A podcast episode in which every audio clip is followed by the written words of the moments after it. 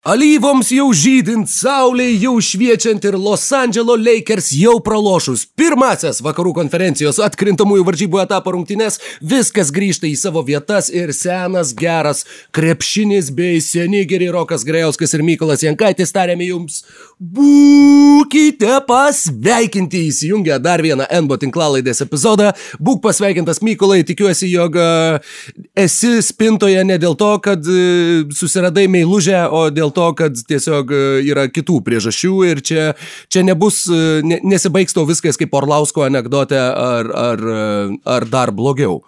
Čia yra vėl visiškai absoliu, nu, labiausiai priešingų priež, priežasčių meilužės susiradimai mano buvimas spintoje, bet taip, tenka vis dėlto jau vėlyvą vakarą įrašinėjom, tai kažkaip galbūt, kadangi įprastai mano studija yra mėgamajam, tai išeisi, kad aš ją užleidau tą savo studiją į, sakykime, pereidamas iš tai šią erdvę, kurioje ar, Arsenalo laivus su Arsenalo fanų puslapiu mes vat, vis kartais įrašome.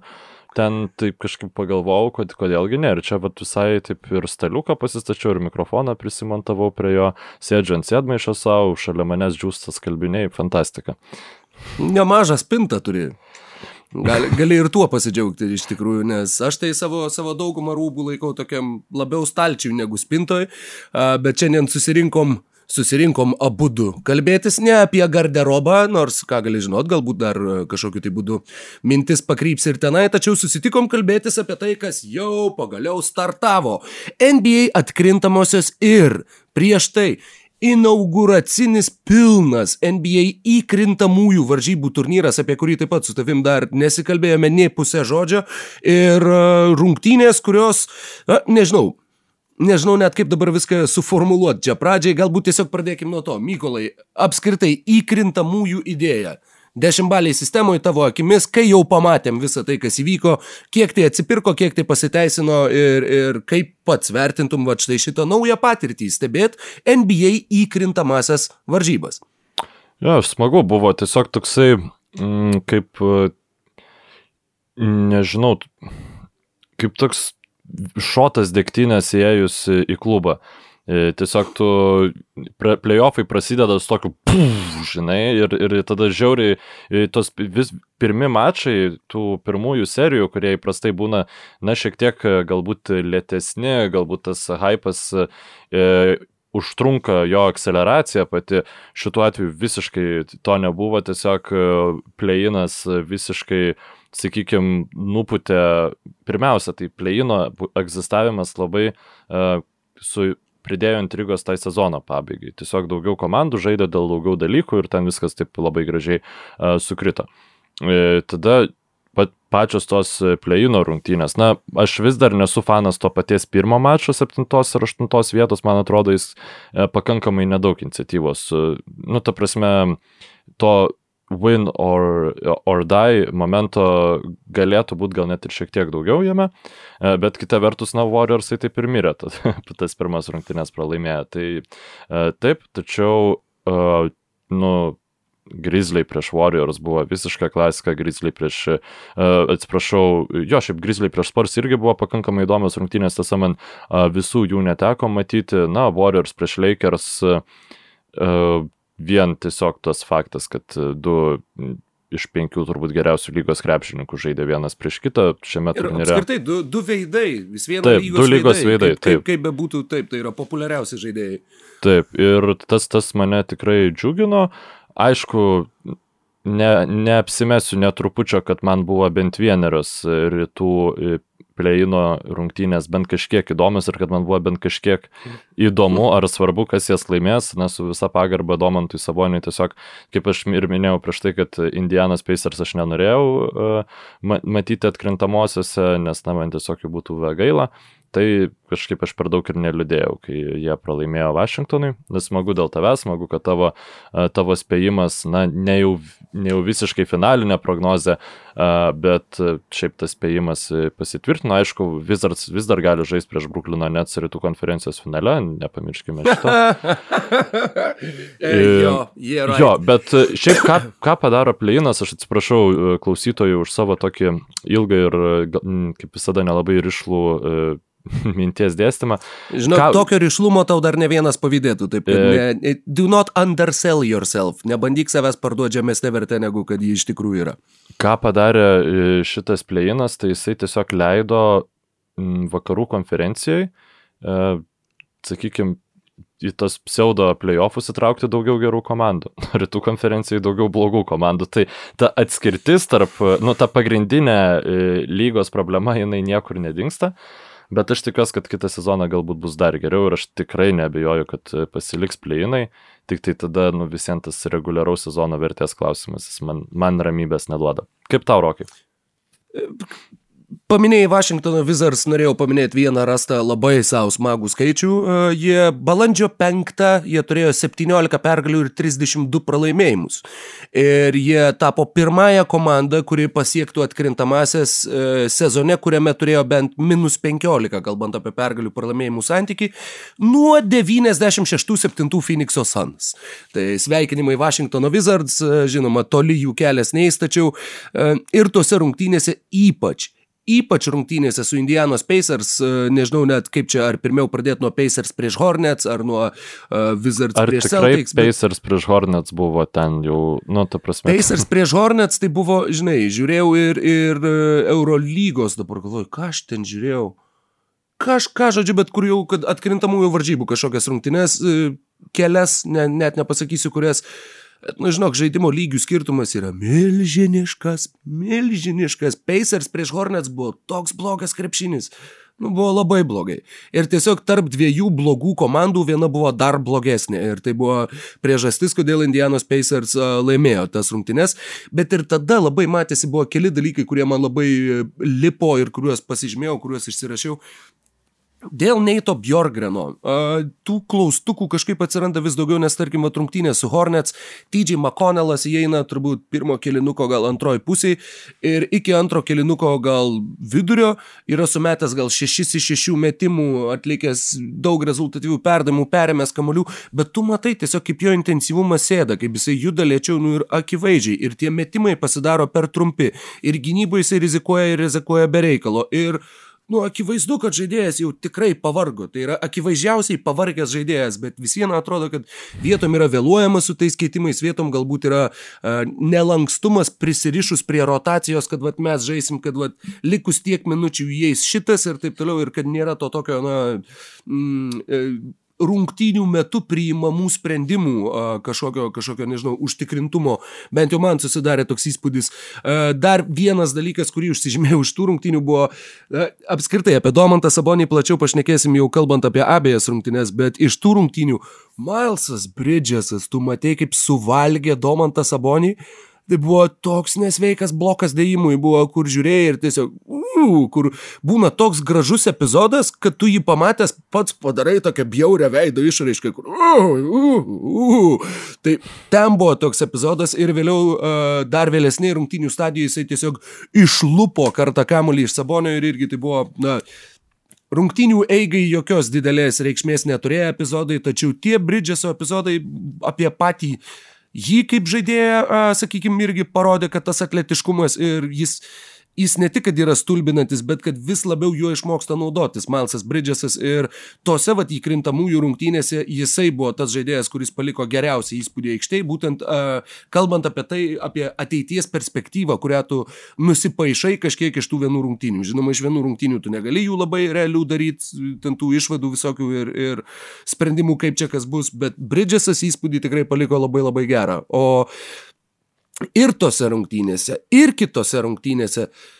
Nu, man buvo, sakau, aš negaliu sakyti, kad aš labai nusivyliau, bet man sukėlė nerimo Domanto Sabonio pasirodymai, kadangi ir ten, ir ten vienas dalykas, uh, iš už baudos aikštelės aš nežiūrėjau oficialios statistikos, bet mano, kiek aš mačiau, mano akimis, jis turbūt nepatakė ne vieno metimo. Nei vieno, nei tritaškio, nei iš vidutinio nuotolio. Ir toj pačioj baudos aikšteliai tiek Hornets jį stabdė puikiai, tiek ir Washingtono Wizards irgi gerokai jį prilėtino ir atrodytų, kad uh, susidūręs vat, su ta visiena atkrintamųjų stilistikos, sakykime, gynyba, su, su kitu teisėjavimo traktavimu, Domantas šiai dienai labai, jeigu jam nepavyksta pataikyti pirmo, antro ir nedaug dievę trečio metimo, jisai ima nervintis, jisai ima kartais na, bandyti mest per sudėtingus metimus, kartais atsisakyti metimų, būtent kalbant apie tai, kaip jisai žaidžia pats rinkdamas taškus. Smagu yra tai, kad tai atrodo neatsiliepia jo perdavimų skirstimui, žodžiu, žaidimo matymui, jisai nepradeda panikuoti ir nepradeda daryti nesąmonių, bet būtent žaisti vat, vienas prieš vieną, jeigu vieną, antrą, trečią kartą tu ten nepramušiai Bismako Bijombo ir Cody Zellerio arba Alekso Leno ir Danielio Geffordo ir Robino Lopezo, Viskas, atrodo, kad jis ir tuo pačiu prieš tuos pačius Hornets atrodo, nu, buvo nusiaubingos. Tiesiog siaubingos rungtynės, vat, kai, kai tu matai, kaip jisai atrodė aikštėje, kaip viskas atrodo, kad jis pats turėjo būti labai nusivylęs. Tos rungtynės vis viena buvo kas? 14 taškų, 19 kamolių, 9 rezultatyvus. Tai tas džiugina iš tos pusės, jo, kad plus net, 30 jisai, iš peiserių perspektyvos. nu, kad jeigu jisai net ir tada, kai žaidžia blogai, sugeba būti labai efektyvus ir naudingas, Tai yra labai didelis pliusas, bet tuo pačiu atrodo, kad dar jam reikia vat, užsiauginti tą truputėlį storesnę skūrą šituo atžvilgiu, kad vat, jeigu nesušvilpė ten pražangos du kartus iš eilės, kažkokiu tai būdu neišsimušti ir vis viena likti vat, savam, savam šalta kraujiškume. Atrodo, kad psichologiškai vietomis jisai vis dar išsimuša. Aš nežinau, ar tu, ar tu susidarai tokį pat įspūdį ar ne. Aš, aš nežinau, Kaip žinok, apskritai aš, tau, kokį, kokį aš, nesu, pa, aš nesu pakankamai, mm, nežinau, tvirtos nuomonės apie Sabonio e, psichologinį portretą. Man kažkodėl atrodo, kad e, nežinau, ar galėčiau tau priskirti šią kritiką, bet e, kažkaip tas Lietuvo, lietuvių tautos, na, angliškas terminas yra insecurity, nu, tiesiog neužtikrintumas. Nu, ne, nepasitikėjimas. Nepasitikėjimas, bet, nu, ne, ne savimi, bet nepasitikėjimas Sabonio kaip visų e, žvaigždžių lygio e, kalibro krepšininkų. E, jisai man toks vaizdas, kad jis persiduoda, na, mano nuomonė apie Sabonį patį kaip krepšininką. Tai prasme, man atrodo, kad va, jeigu jam čia kažkas negerai, e, nu, negerai sužaidžia kažką ar panašiai, kad jis parinasi, bet iš tikrųjų tai ne jis parinasi, o nu, mes, lietuviai, parinamės, kad, oi, tai gal jis čia tikrai nėra toks geras. Man, aš, aš, aš, ne, žiūrėk, nu, aš, sakau, aš... aš, aš sakau iš savo grinai pozicijos, kad man, aš dėl to stengiuosi nevertinti, vat, ypač krepšininkų, kurie man rūpi vat, psichologinių portretų. Um, jeigu kalbant apie jo pasirodymus aikštėje, tai tai tikrai nebuvo dvi geriausios jo rungtynės, net, netgi ir priešingai turbūt. Prieš ką jau ką, bet prieš Kodį Zellerį mes tikėtumėmės, kad Domantas Sabonis ten visiškai dominuos. Statistika buvo gera, rungtynės buvo laimėtos, bet visiško dominavimo nebuvo tose rungtynėse, sakykime, ta prasme, tikrai, tikrai nebuvo. Ir, na, prieš Washingtono Wizards buvo dar sunkiau, bet teisybės dėlė šiaip Robinas Lopezas yra na vis vien žmogus galintis e, tam tikrus mečapus laimėti net ir prieš geriausius lygos centrus. Nu, jis kartais tiesiog taip sužaidžia, kaip ir jo, kalbėjom praeitą patį tinklalaidį. Beje, atrodė labai neblogai, bet... Jo, bet, jo. Sakydamas, kad Sabonis ima parintis uh, ar nervintis, aš turiu omeny kūno kalbą, aš turiu omeny reakcijas, nes jos labai matos. Ta pati turėjo ir Arvydas, ta pati kiek mažiau turi ir Domantas, bet yra visi, kur Ir kur ten, ha, ir kur ten žiūrėk, kad čia eikti, čia durniai, čia ką. Va tas atsiranda toks, kur atrodo, kad tarsi tave pristabdo kažkiek. Galbūt, nežinau, galbūt kai, kai kuriem krepšininkam kaip tik va tas emocinis išsiliejimas kažkaip palengvina jų, jų būseną aikštėje, bet žvelgiant iš šono atrodo, kad va tas, tas išmuša. Ta, čia, kur yra, jeigu tavo galvoje atsiranda bet kokia pašalinė mintis, va tokiam procese, kur tau reikia pilno susikaupimo, ar tai būtų muzika, ar tai būtų, uh, turiuomenį, gyvas grojimas, ar tai būtų krepšinis, ar tai būtų futbolas, ar koks nors tenisas, tu turi būti kaip styga. Ir jeigu vat, atsiranda bent vienas kažkas, kažkoks dirgiklis, automatiškai tu nežaisi maksimalių lygių arba negrosi maksimalių lygių, kurį, kurį galėtum pasiekti. Nu jo, aš ne, nesu pakankamai, e, esu turbūt la, maksimaliai prieš priešai nuo profesionalaus sportininko, tai tikrai negalė, nenorėčiau brėžti paralelių tarp meninio atlikimo ir sporto, bet taip logiška, kad nu, jeigu tu pasiduosi kažkokiam tai provokacijom arba e, tam tikriem nesėkmingom situacijom, tavo pasirodymas aikštelėje turėtų smukti.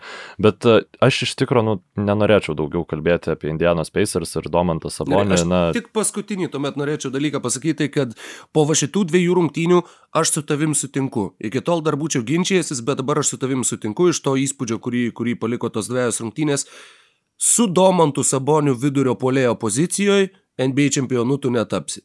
E, tu tą sakei ne kartą, būtent dėl gynybos, dėl ribotumo gynyboje ir man vis atrodė, kad, hmm, hmm, nu bet ten jeigu, jeigu, dabar žiūrint tikrai atrodė, kad, nu, Ne, ne, labai labai labai sunkiai. Ir nu, galbūt tiesiog prasme, gaudamas Raimondą Griną gal bet... šalia turėtum ger, jo, geros va, formos. Va, kažkas nu, tokio. Tu, tu, jam reikia, jis yra išskirtinis krepšininkas, bet jam šalia reikia išskirtinių krepšininkų. Ir, e, na, pavyzdžiui, tie Golden State Warriors yra to tokių išskirtinių krepšininkų pinė, kurie, sakykime, vieni kitą taip papildo, kad, nu, ne šį sezoną, bet, tarkim, ankstesni tie variantai, kur Šonas Livingstonas, kur, sakykime, visiškai nu, nurašytas NBA krepšininkas tenai atsigavo.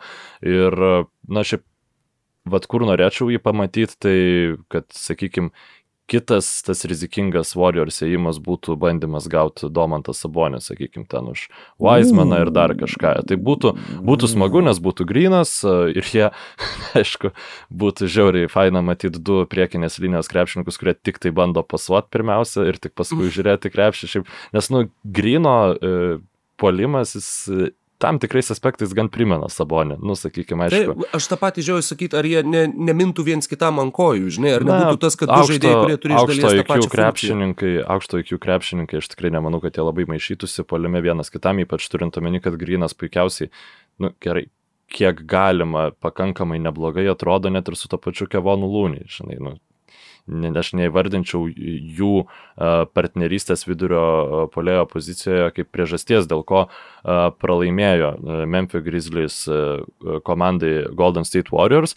Dabar kai tu ten pasakoji apie labiausiai pavargusių, akivaizdžiausiai pavargusių žmogų pasaulyje, aš biškai nusiskau, nes aš savo įpedę kaip tik turėjau atsidaręs šitą karį fotkę ir būtent tą citatą prirašiau prie jo, kad nepamirščiau, nes tikrai būtent tos rungtynės prieš e, Memphis Grizzlies, na, tai buvo labiausiai pavargęs kari, kokį turbūt e, mes galėjome matyti, na, aš, ne, aš neprisimenu labiau pavargusio kari. Iš tikrųjų, galbūt e, ten septintos rungtynės tų atkrin 2016 metų, bet kaip Dylanas Bruksas nukankino tą vargšą žmogų, tai buvo graudu žiūrėti tikrai, nes jeigu aš per praeitą savaitę sakiau, kad na, čia Grizzliai pateikė surprizų Warriorsam ir Warriorsai juos išsisprendė ir jau pleinė jam bus labai lengva, net jeigu reikės žaisti su jais. Tai, na, aš akivaizdžiai buvau neteisus, aš buvau neteisus ties labai daug ir kitų aspektų atkrintamosiose, prie kurių nueisim. Labai nenuspėjamos, jo, įkrintamą. Bet... Jo, e, bet e, Dylanas Bruksas yra nužveris ir e, aš, ne, aš tikrai nesu matęs geresnės gynybos prieš karį aš esu gal matęs geresnį game plan prieš karį, kur ten tu, sakykime, nu, yra ir e, polime ir gynyboje karį atakuojamas, ten jeigu mes prisimintumėm, kai jis buvo traumuotas ir tas pats 2016 metų finalas. Arba, arba kai buvo ta visa komandinė gynyba, kurią sustatė e, Nikas Narsas, na irgi prieš panašiai išretintą E, Golden State Warriors finale, kuomet tiesiog buvo na, e, tas box and one prieš karį taikomas, bet individualiai be kažkokios, na nu, gerai, pagalba buvo, bet sakykime, Dylanas Bruksas, Bruksas visiškai fantastiškai sugadino karį gyvenimą. E, kaip jis išžlindinėjo iš užtvarų ir jis pats, aišku, buvo belekai pavargęs, uh, bet, e, na, tas žmogus jis toks kontroversiškas yra, ta, jo rolė polime, aš, aš niekada nesuprasiu, ar jis yra žalingas komandai, ar jis yra naudingas, bet um, kaip kažkur internete mačiau, galbūt redito komentarą, jeigu būtų e, geriausiai labiausiai patobulėjusio gynyboje e, krepšininko mhm. apdovanojimas, mm, tai Dylanas Bruksas jį m, turėtų išsinešti labai aiškę persvarą prieš bet ką kitą. Ne tik prieš Stefą Curry, prieš Bradley Bylą turėjo, man rodos, porą rungtynių su Wizards reguliariojo sezono pabaigoje, gal iš paskutinių dešimties ar iš paskutinių penkiolikos Memphis. Ir abiejose rungtynėse Dylanas Bruksas irgi visiškai žudė Bradley Bylą. Tas pats Bradley Bylas kalbėjo, kad, jo, kad nu, šitas žmogus yra žvėris ir kad prieš jį yra nežmoniškai sunku žaisti. Tai čia yra du rezultatyviausi šio sezono krepšininkai, kuriuos jisai visiškai, visiškai engė ir, ir, ir atrodė prieš juos nuostabiai. Rungtynės prieš Jutos Jazz ir Dylanas Bruksas ne tik gynyboje ir sumetė kiek 32 ar 31, dabar bijau sumeluoti ir bijau tikrinti, kad neatsijungtų kamera. Aš patikrinsiu, bet dar pasiliekam ties uh -huh. play-in rungtynės. Ties Warriors, gerai. Jo, jo, jo, jo.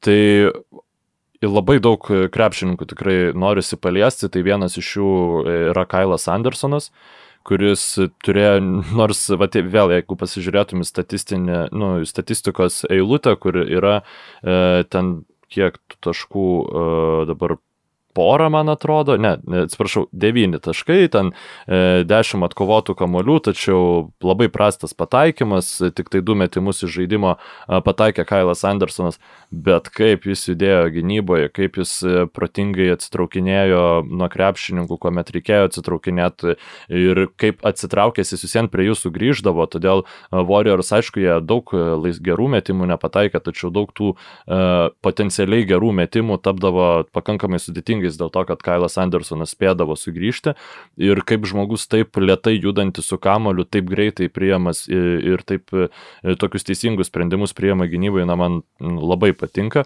Bet aš manau ir, na, galit užmėtyti mane akmenim, kaip norit, kad tas rungtynes e, Memphis Grizzlies laimėjo tik dėl to, kad Jonas Valančiūnas gavo savo šeštą pražangą. Ir, ir į aikštę žengė Javieras Tilmanas, kuris e, tose rungtynėse, na, jis, man atrodo, nepadarė ne vienos klaidos gynyboje. Jonas Valančiūnas visas tas rungtynės kamavosi su e, pražangų problema, dėl to Tilmanas žaidė daugiau negu, sakykime, galbūt e, žaistų tokiuose svarbiose rungtynėse, bet tai yra visiškai centras sutvertas žaisti prieš sakykime, net ne dabartinį Golden State Warriors, nes dabartinį Golden State Warriors, tu vat, su tokiais centrais kaip Valančiūnas, tu gali na, prie kitoje aikštelės pusėje bausti ir taip, sakykime, kompensuoti galbūt mhm. JV trūkumą gynybai.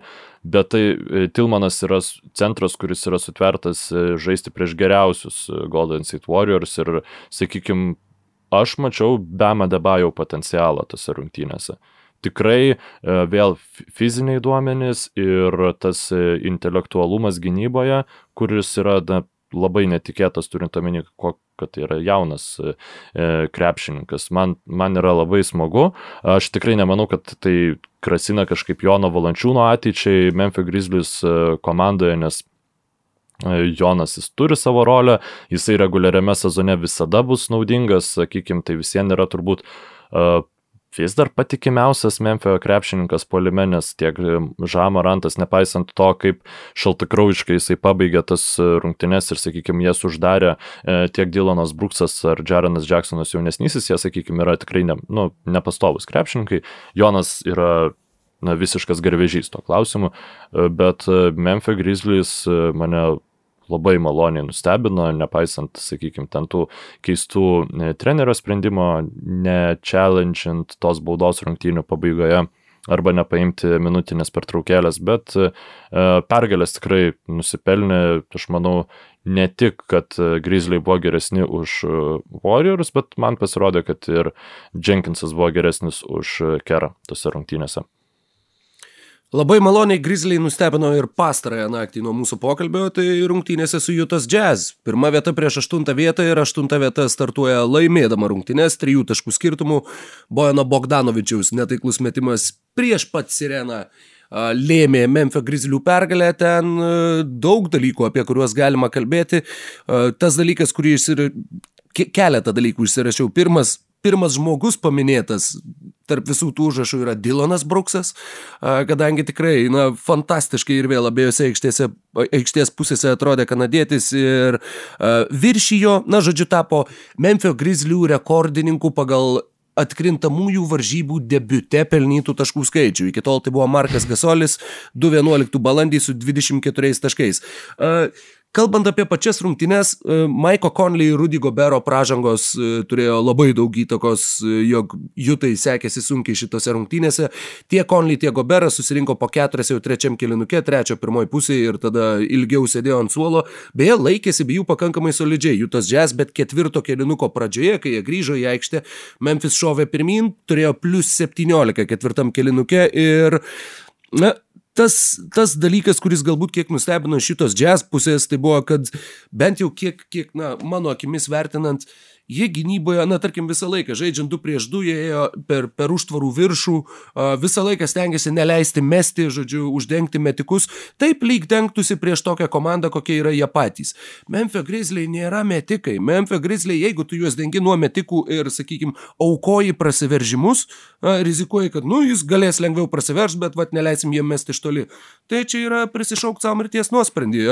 Memphis turėjo plus 20 baudos aikštelėje pelnytais taškais, jie yra vien vien tik tai baudos aikštelės, na ne vien, bet visada link baudos aikštelės besiveržiantys ir savo užduoti iš kuo arčiau atakuoti krepšį keliantys krepšininkai ar kelianti komanda. Ir būtent šitas, šitas uh, toks Sprendimas pasirodė keistokas, labai svarbu be abejo buvo tai, kad Donovanas Mitčelas tik tai kelios valandos prieš rungtynes paaiškėjo, kad visgi nežais, praleidžia 17 rungtynes iš eilės ir kai jisai grįž, dar didelis klausimas, koks jisai grįž į aikštelę, jo be abejo trūko jutai šitame mače, na o Dar vienas dalykas, e, kuris labai labai padėjo Memphijui, tai žinoma tai, jog Juta pataikė 12 iš 47 mestų tritaškių, 25,5 procento ir tai yra antras blogiausias jų taiklumas visame sezone, e, kuriame jie buvo daugiausiai metanti tritaškių, daugiausiai pataikiusi tritaškių komanda.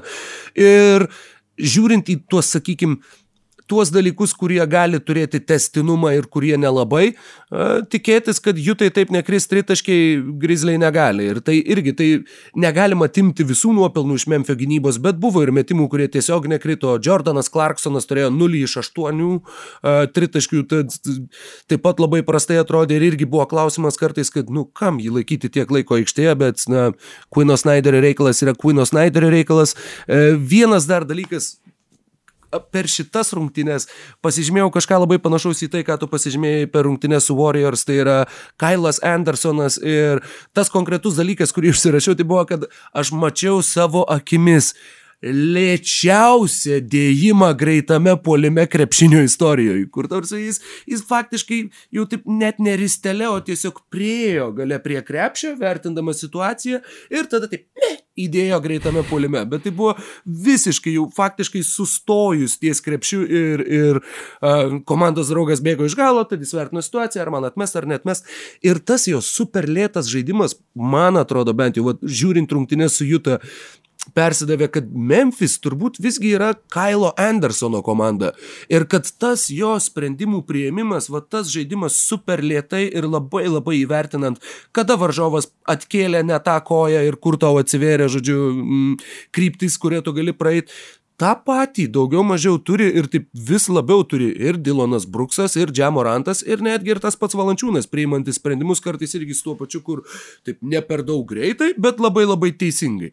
Ir vat tas, tas žaidimas apskritai uh, atrodytų, kad lyg užsikrėtė nuo Kailo Andersono komanda, žinoma, čia to, šimtų procentų teikti negalima, čia ir Tayloro Jenkinso nuopelnas ir to, jog jie susirinkę jauną komandą, susirinko patyrusius žaidėjus, kiek tai, kiek tai paradoksaliai beskambėtų, tas pats savo minėtas Ksavieras Tilmanas trejus metus žaidė universitete ir nors jis yra naujokas, jis jau yra vyresnis už, už uh, sakykime, tuos, kurie žaidė tik tai vieną sezoną, kas yra populiariausia šiuo metu. Įdomu, ar jis vis dar yra vyresnis, pavyzdžiui, už Bukerį? Jam 22. Uh, už Bukerį gal amžinai, ir ne, bet... Am, amžinai ten, tipo, o jam tik 19 dar ten kaip ir ja, ja. Kaip ir Aaronui Gordonui, beje, irgi yra juokingai mažai, gal 25 maksimum, kur, kad wow. Uh, tad taip, ir dar vienas statistinis, na, faktas, net ne faktas, jo, faktas, bet kad 76 procentus atvejų uh, serijoje iki keturių pergalių laimėjusi pirmasis rungtynės komanda laimi ir visą seriją. Tad faktiškai 3 ketvirtadaliai, matematiškai žiūrint, šansų yra, jog Grizzly gali nusiimti Jutos jazz ir teoriškai, čia, čia, va čia būtų kosminis scenarius. Lietuva prieš Sloveniją, olimpinė atranka.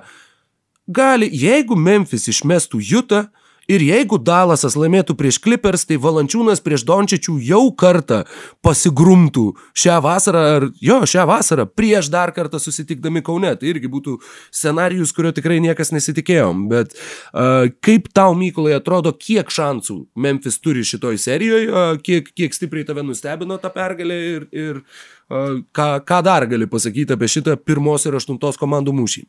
Aš neapsimesiu, kad mačiau šitas rungtynes, vakar naktį turėjau kitų reikalų, bet, e, bet, bet, bet. Už tai dabar spintai? Jo, už tai, už tai dabar spintai. Ne, šitą pagaliau jo pasibaigiau tą savo e, darbą ir išsiunčiau, dabar jau man nebesvarbu. Šitą atsiprašau, šiaip iš tikrųjų, kad e, šitą savo nelabai įdomias aktualijas leidžiu į eterį, bet e, norėjau šiek tiek aktualijas. pakomentuoti tavo e, tą pasakojimą dėl e, Jutos Žes kvietimo po krepšiu, e, žodžiu, e, savo priešininkų. Tai aš manau, negalėčiau kom komentuoti konkrečios situacijos, bet e, manau, kad tas kvietimas po krepšių yra tiesiog iš to, kad jie turi geriausiai lanką saugoti centrą visoje lygoje. Ir šiaip tas Rudy Gobero faktorius, kuris veikia, pavyzdžiui, ir e, Europoje su Edita Varešu, yra net ir tas, kad jie, jie nebūtinai uh, gali pakengti metimui. Nu, ta prasme, jie nelabai, nebūtinai ten blokuos tą metimą, jie gali net nebūtinai sutrukdyti, bet tiesiog nu, krepšininkai jų bijo baudos aikšteliai. Jo, ir, jie tiesiog ir gali priversti yra, nemesti. Jo, jo, jo. Nemesti arba mesti kažkokį tai, e, nu, keistą metimą, ne, ne tokį, kokį šiaip tu įprastai mestum, nes jie tiesiog yra tokie dideli, su tokiam ilgom rankom, nu, skirtingose lygose, skirtingi atletiškumai, bet va tas faktorius tikrai e, matosi pas abu šios krepšininkus. Ir šiaip, jeigu kalbant grinai apie procentus, tai aš vis tiek manau, kad, nu, Pernes sugrįž, sugrįž e, Mitčelas, tebūnė ir ne per geriausios formos, na tie tritaškai tikrai e, labai ta, kad Clarksonas nei vieno nepataikytų, nežinau, čia jam reiktų turbūt būti su kom, komandai, su Lebronu Jamesu, kad tai būtų. E, ir aš manau, kad šitą pergalę, na, vėl tu ten trys ketvirtadaliai, ar ne, rungtynių. Na, jeigu Taip. mes paimtumėm, sakykime, aštuntas vietas laimėjusias prieš pirmasias vietas, tai...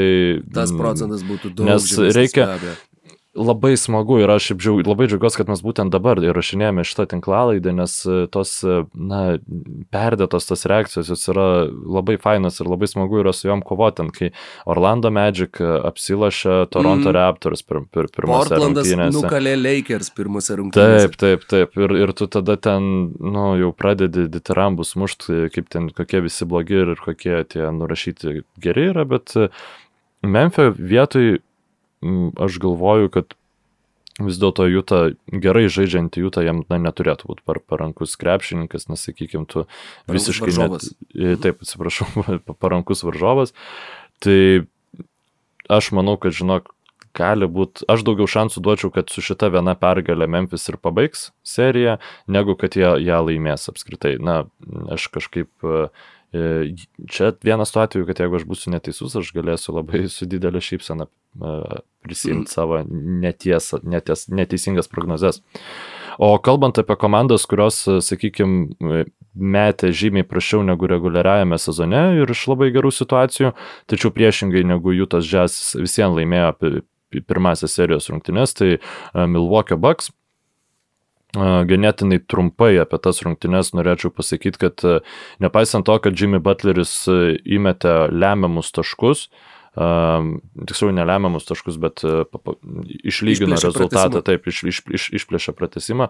Na, rungtynės jis e, sužaidė tikrai nuostabi, nuostabi, nuostabiai prastas ir man labai patiko Janio Antetokumpo gynyba, nors visi matys, sakykime, tą paskutinį momentą, kur, na, būtent per jį Jimmy Butleris įmetė ir ten buvo absoliuti klasė pademonstruota, nes niekas turbūt nesitikėjo, kad jis dar bandys spėti iki, iki krepšio prasiveršti, nes ten grinai atrodo, kad jisai, nu, e, okei, okay, nepavyko derinys su, su uh, Robinsonui duoti išmest kamolį, tai tada jau aš tiesiog mesiu iš kokio vidutinio nuotolio, o jis uh, staigiai, staigiai greitais sprendimais paėmė ir uh, pasinaudojo tuo, kad Janis tikėjosi, kad jis turbūt mes į kairę atsilošęs gal labiau, na nežinau, bent jau taip atrodė iš Janio pozicijos ir jisai tiesiog įmetė labai lengvus du taškus išplėšiant pratesimą, visiškai nelengvus du taškus, bet įmetė e, Middletonas, kuris toliau įrodinėja, kad tai yra krepšininkas, kuris atkrintamosiose įgyja kažkokį tai naują pavydalą ir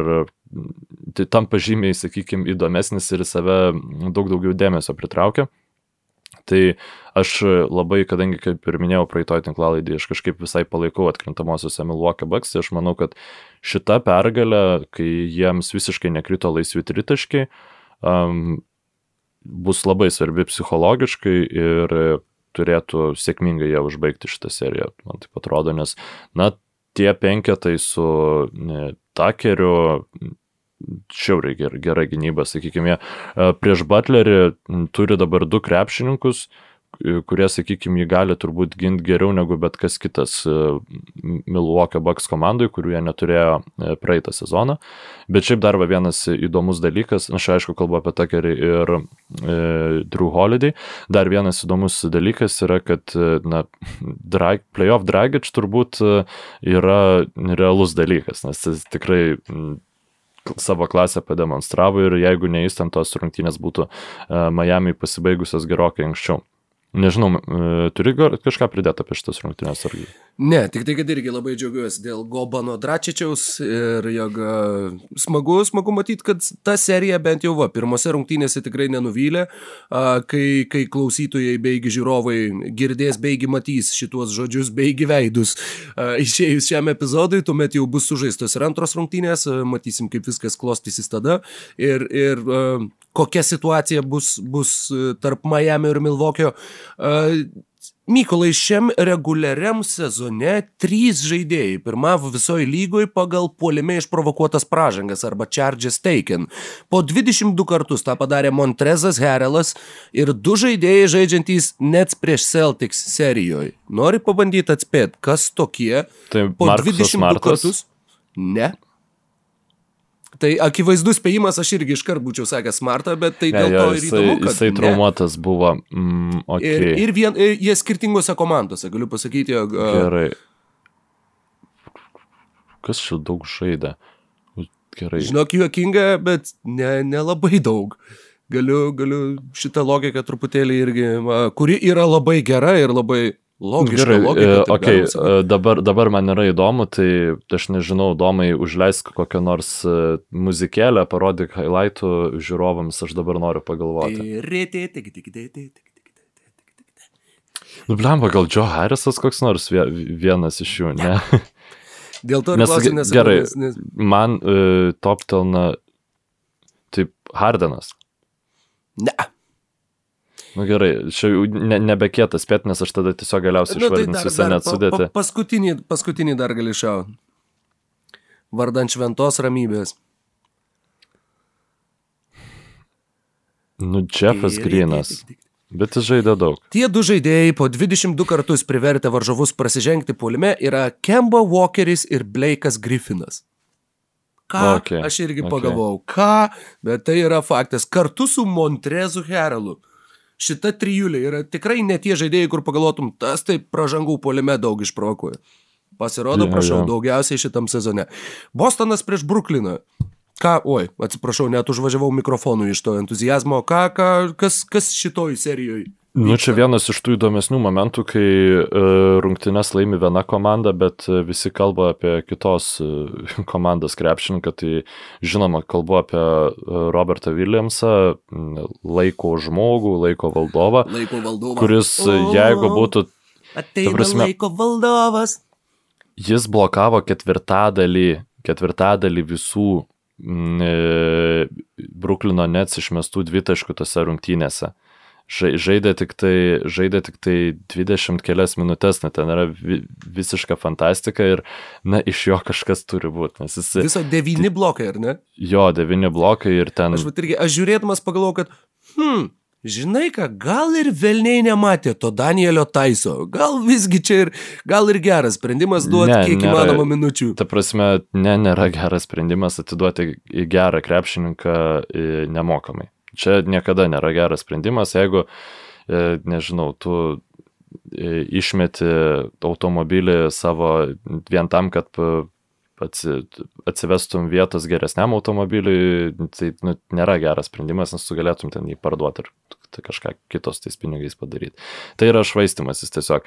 O šiuo atveju tai nu, tiesiog e, Celtics nenorėjo mokėti prabangos mokesčio ir nesugalvojo geresnio būdo, kaip atsikratyti tikrai soli, so- solidaus krepšingo, kuris būtent tuom ir yra išskirtinis, kad jis ir su, su Robertu Williamsu vienu metu aikštėje gali žaisti. Trisonas Thompsonas negali to daryti. Tai aš ne, ne, Matai, jie, šitam. Celtics dar tik galima atsiminti, jie gavo du žaidėjus, dabar jau, kai žiūriu, atrodo vis keišiau ir keišiau. Tiesa, Mo Wagneris tenai neužsibuvo, bet jie gavo Luką Kornetą ir Wizards gavo Danielį Geffordą ir Chandlerį Hutchisoną, o Buliai gavo Danielį Taisą. Greeną bei Troy Browną jaunesnįjį. Tad, uh, jo, visgi, visgi tu teisus, tikrai beveik nemokamai atiduota, bet, na, Na, bent jau galim džiaugtis tuo, kad štai, kad laiko valdovas uh, gali išrašyti devynis blokus. Ir jo, man irgi kas, kas paliko įspūdį toj serijai, na, iš vienos pusės, net nežaisdami gerai laimėjo tas rungtynės. Tai kaip ir turėtų būti, na, sakykime, poskonis po tų rungtynių toks, kad, nu va, kai jie žais geriau, jie tikrai ramiai pasiims šitą seriją. Bet iš kitos pusės, Celtics, aš manau, kad turėjo išeiti įsikvėpę po šitų rungtynių, kad, ei, palauk, nu, nu galima su jais žaisti, galima su jais kovoti, tai nėra neįveikiama komanda. Ir man šitoj va, situacijai, sakau, labai labai įdomu, kurie tą psichologiškai paims viršų bent jau antrom rungtynėm ir kurie, kurie sugebės, sakau, ar tai bus Bruklinas, kurie, o, sužais dar geriau, ar tai bus Bostonas, kurie, staiga, sakau, patikės savimi ir žais taip, kaip mes realiai jų dar nematėm šitam sezone žaidžiančių. Na, aš taip spėčiau, kad Bruklinas dar vis pakankamai išnaudos tai, kad Bostonas, ne, nepaisant visų negandų, yra labai a, gerai treniruojama komanda ir, sakykime, aš manau, kad Steve'as Nešas labai daug atliks eksperimentų šitoj serijai, tam, kad jau pusfinalį prieš Milwaukee jau eksperimentuoti nebereiktų. Nu, ma- mano, mano toksai spėjimas būtų. O ar teko tau žiūrėti vakar Wizards prieš Sixers? Kažkiek. Teko, tiesą pasakius, teko, žinai, kai atrodo, kad iš visų, ką buvo įmanoma pažiūrėti, kodėl aš žiūrėjau būtent Wizard Sixers, na, todėl, kad buvo labai patogus laikas. Ir aš dabar galvoju, ne, aš neišsirašiau absoliučiai nei žodžių iš tų rungtynių, tačiau a, tai buvo irgi Washingtono Wizards parodė, kad gali kovot, gali žaisti, Bradley Bylas parodė, kad na, ta trauma nėra, nėra a, super sunki, kad jisai vis dar gali būti efektyvus ir tuo pačiu netgi kalbant apie Wizards, norėjosi va tą paminėti dar ir, ir įkrintamųjų, grįžtant prie rungtynių su Pacers, nu jie turėjo daug daugiau noro kažką įrodyti. Ir todėl jie ir žaidė su, su ta papildoma energija ir su Filadelfija jie irgi žaidžia taip pat ir aš manau, kad šita serija nesibaigs sausai. Ir tai jau bus labai labai didelis Wizards pasiekimas. e, Tiesiog taip, jie turi ir tas pats Robinas Lopezas, ir Danielis Geffordas, ir net ir Aleksas Lenas. Tu bent jau turi daug e, didelių kūnų, kuriuos gali mesti į Joelį Ambidą.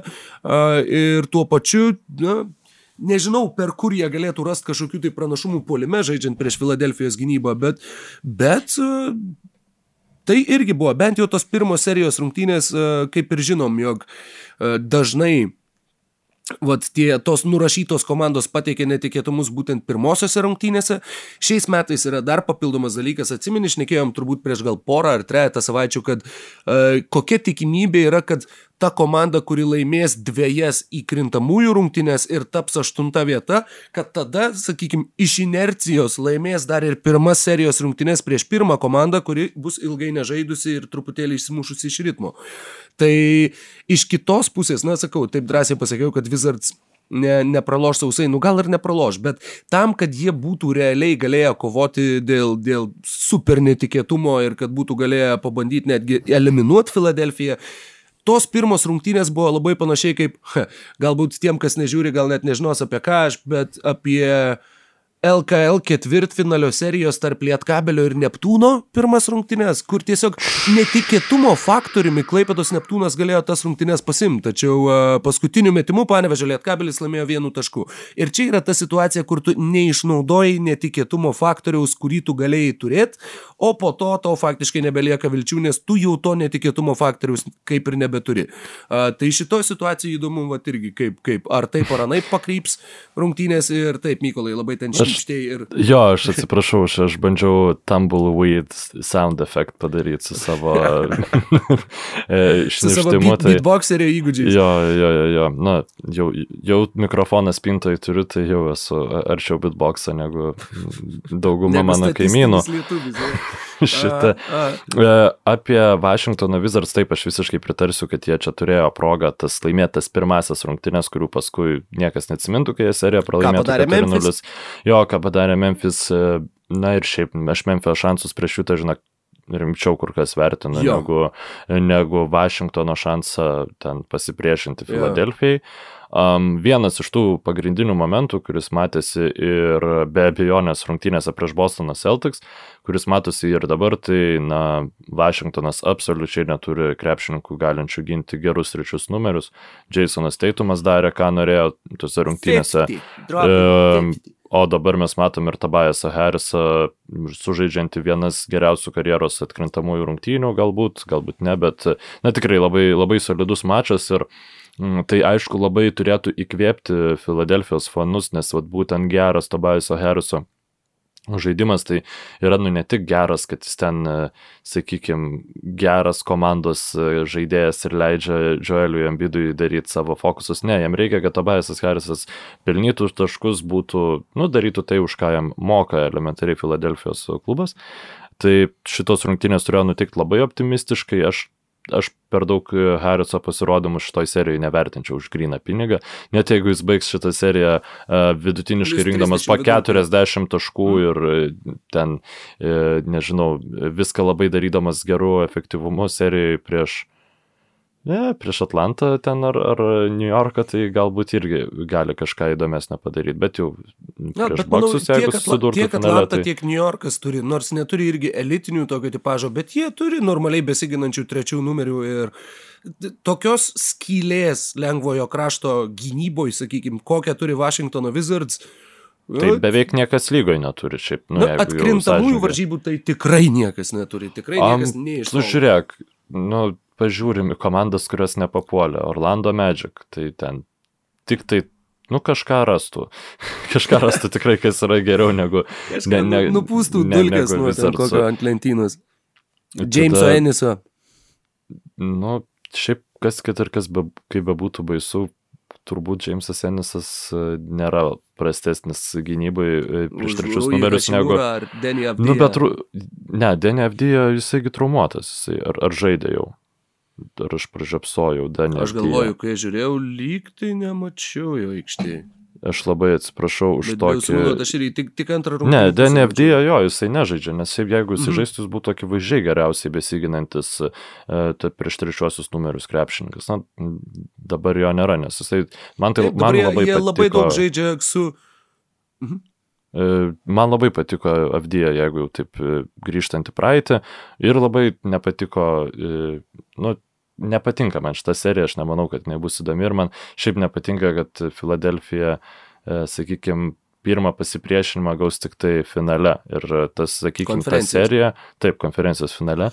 Aš ir ta dėl, serija dėl labai gali dar... iškreipti mūsų įvaizdį apie šitą komandą, nes jeigu, sakykime, vėl e, pralaimės Filadelfija, nu, prieš, pavyzdžiui, vieną iš nu, arba Brooklyn, arba Milwaukee, kurios abi dvi yra labai stiprios komandos, tai vėl mes sakysim, kad Dokas Riversas yra nevykęs treneris. Nu, sakysim. Ne, žinai, kad pirmas, ką sakysim, pirmiau negu apie Doką Riversą, sakysim, Embidas ir Simonsas negali žaisti kartu. Mm. Čia va bus tas, ta, mhm. ta pirmoji išvada, kadangi tokas Riversas, nu nebent jau vėl iš 3-1 pirmaudamas gautų, tada jau kalbėtumėm apie Riversą, bet šiaip ką jisai padarė Filadelfijoje, ką jisai padarė, ką darė Lasmori padarė, yra, yra labai labai ta sėkmės istorija šitam sezone ir aš manau, kad Filadelfijoje tikrai nėra žmonių, kurie kurie laukia, kada galės pasmerkti Doką Riversą. Ne, manau, kad jis ten dabar yra labai mylimas ir, ir visi jaučiasi dėkingi.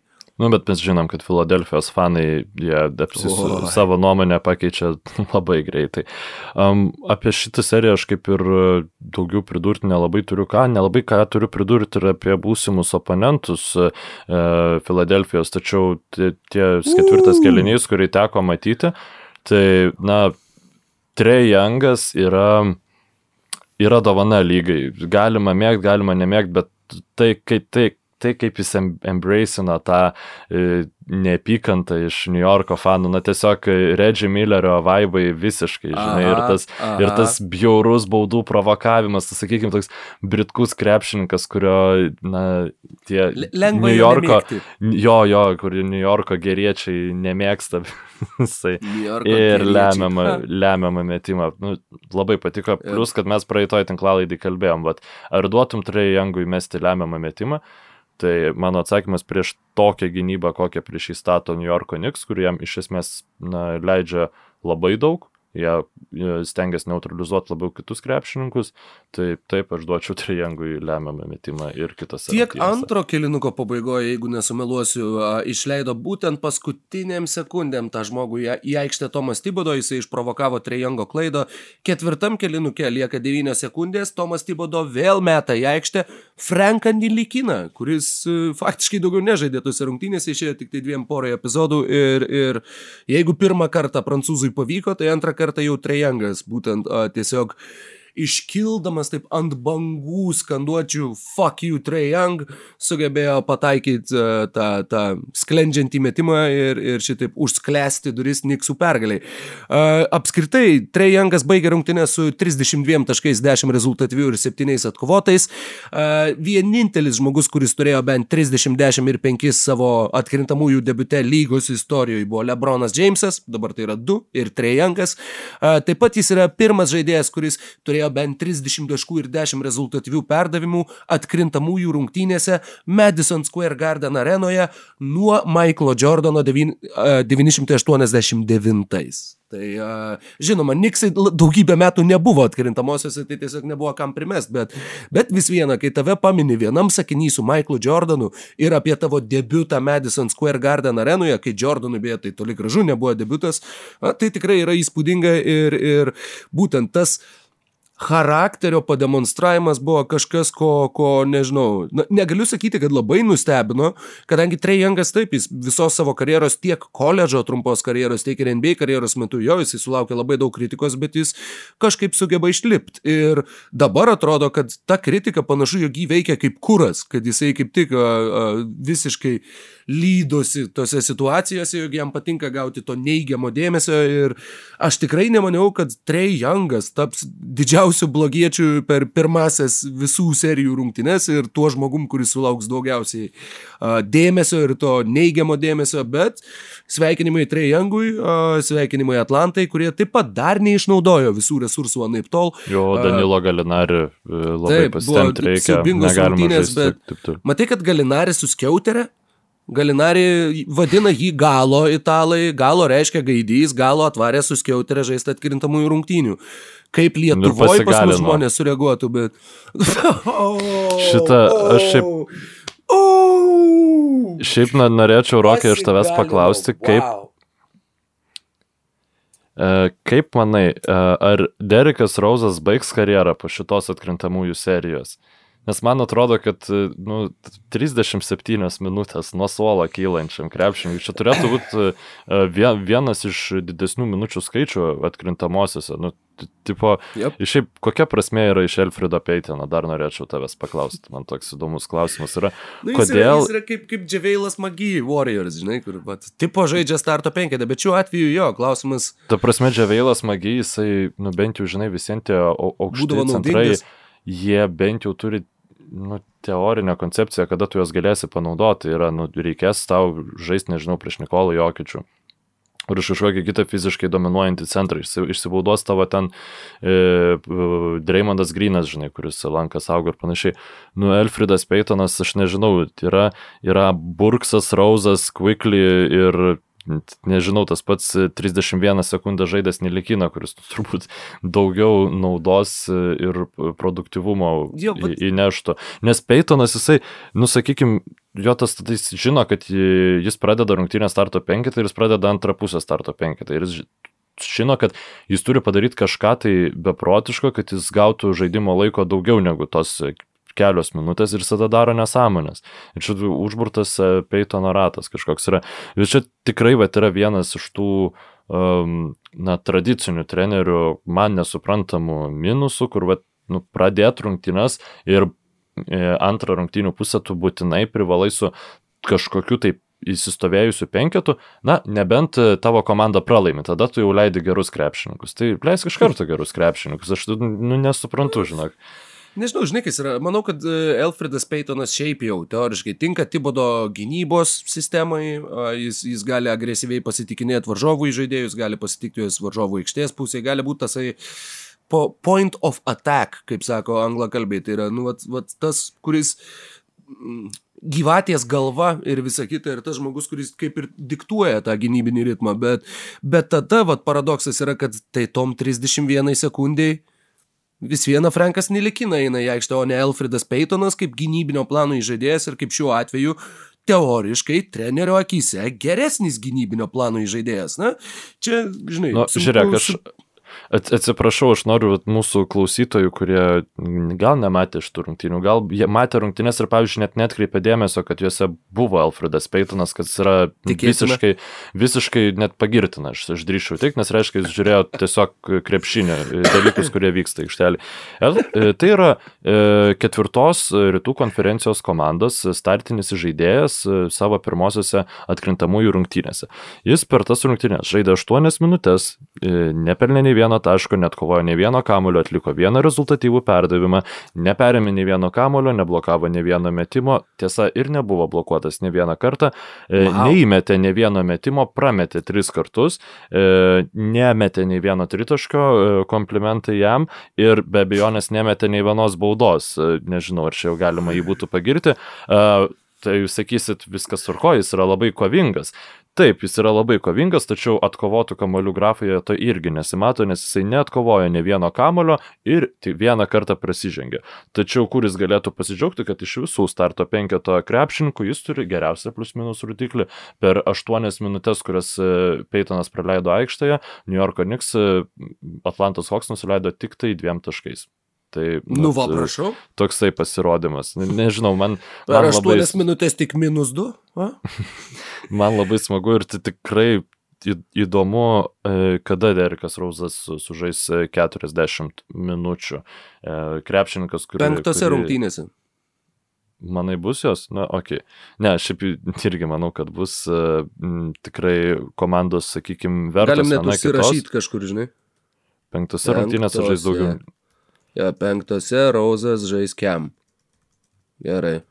Ir Ramu. šiaip e, dar vat, komentaras apie šitas rungtynes, tai Lou Williamsas atrodo, mhm. na, e, Atlantas Hoksėm yra nuostabi vieta nežinau, užbaigti savo karjerą, galbūt potencialiai pratesti jo. Tai... Jisai, kiek, kiek teko skaityti, netgi galvojo pabaigti karjerą po to, kai į kliperį iškeitė į Atlantą. Jisai galvojo nebežais tiesiog, bet kažkaip va, nusprendė, kad, ai, dar dar palakstysiu ir, prašau, ir tai sakau, Lou Williamsas turėjo geras rungtynės, Galinari neturėjo gerų rungtynių, Deandre Hunteris neturėjo gerų rungtynių, tas pats, na, nežinau, tiesą pasakysiu, ar net neatsimenu, kas, kas, kas ten dar galėjo tas geras rungtynės turėti, bet ką turiu omeny, kad Atlanta dar turi neišnaudotų resursų, dar turi žaidėjų, kurie gali uh, būti labai naudingi, ypač puolime ir, ir uh, Na, Niks, Niks, aš turiu tą vieną tokį dvigubą skaičių iš kelių dalių. Julius Randall 15 taškų 6 iš 24 metimų. A, tai yra, na, irgi vienas dalykas. Tai turėtų būti, na, aš labai nustepčiau, jeigu tai nebūtų jo blogiausios rungtynės šitoje serijoje, bet tuo pačiu, na, vadinasi, jam tikrai nėra lengva žaisti prieš Atlantos Hawks ir uh, tiek Jonas Collinsas, tiek tas pats Hunteris sugeba apsunkinti jam gyvenimą ir, ir vat, bus įdomu taip pat pamatyti, ar čia nebus panaši situacija kaip su Saboniu, kur tu reguliariam sezone esi nesustabdomas, bet atkrintamosiose tavo tas, e, kaip čia pasakyti, tokių einamų judesių arsenalas ir apskritai na, veiksmų planas yra kiek lengviau išstudijuojamas ir uh, tiksliau, na taip, lengviau išstudijuojamas negu, negu galbūt kitų krepšininkų.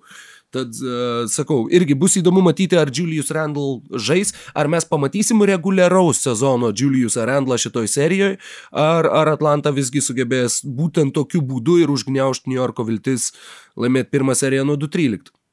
Jo, aš, aš manau, kad daug, nemažai šansų yra, kad Juliusas Randlas netrupučio neprimins to monstro, kurį mes matėm reguliariajame sezone, nes, sakykime, jo tie pasi, labai daug tų tokių įvairių metimų iš vidutinio nuotolio mesdavo ir, ir pataikydavo, aš šiaip kaip ir e, logika pirštusi sakyti, kad na, Tai ok, kodėl jis negali tų pačių sudėtingų metimų atkrintamosiose pataikyti, bet atkrintamosiose e, tavo priešininkai yra, na, per pusę centimetro arčiau tavo veido. Tai e, tie sudėtingi metimai yra dar šiek tiek sudėtingesni ir kai tu neturi e, kiek, galimybės kiekvieną ataką išmesti e, labai e, aukšto procento metimo, tu gali atsimušti į sieną. Dėl ko, pavyzdžiui, na, žiauriai yra sunku apriepti savo smegenis ir, pavyzdžiui, pagalvoti, kad, na, Kari galėtų būti geresnis krepšininkas negu Lebronas Džeimsas, ar ne? Nes, na, tu žinai, kad Lebronas Džeimsas pasiemęs kamoliais bet kada, bet kurią dieną gali po dešimties sekundžių būti prie krepšio ir, na, tikriausiai pelnyti taškus arba išprovokuoti. Arba gali pražangą. pataikyti tritaškį ir pasiūsti Warriors uh, į, į uh, mirtininkų eiseną. Na, jo, čia tiesiog yra grinai, aš m, norėčiau, kad niekas nesuprastų, kad aš realiai lyginu Kari ir Lebroną iš tuo atveju aš tiesiog e, noriu pabrėžti, kad tas e, paprastas, galbūt, sakykime, krepšinis, tas e, patekimas link krepšio, jis e, suteikia tokio užtikrintumo, bet, nu, ypač jeigu kalbam apie žemesnio rango krepšininkus, tikrai, tikrai nebereikalo.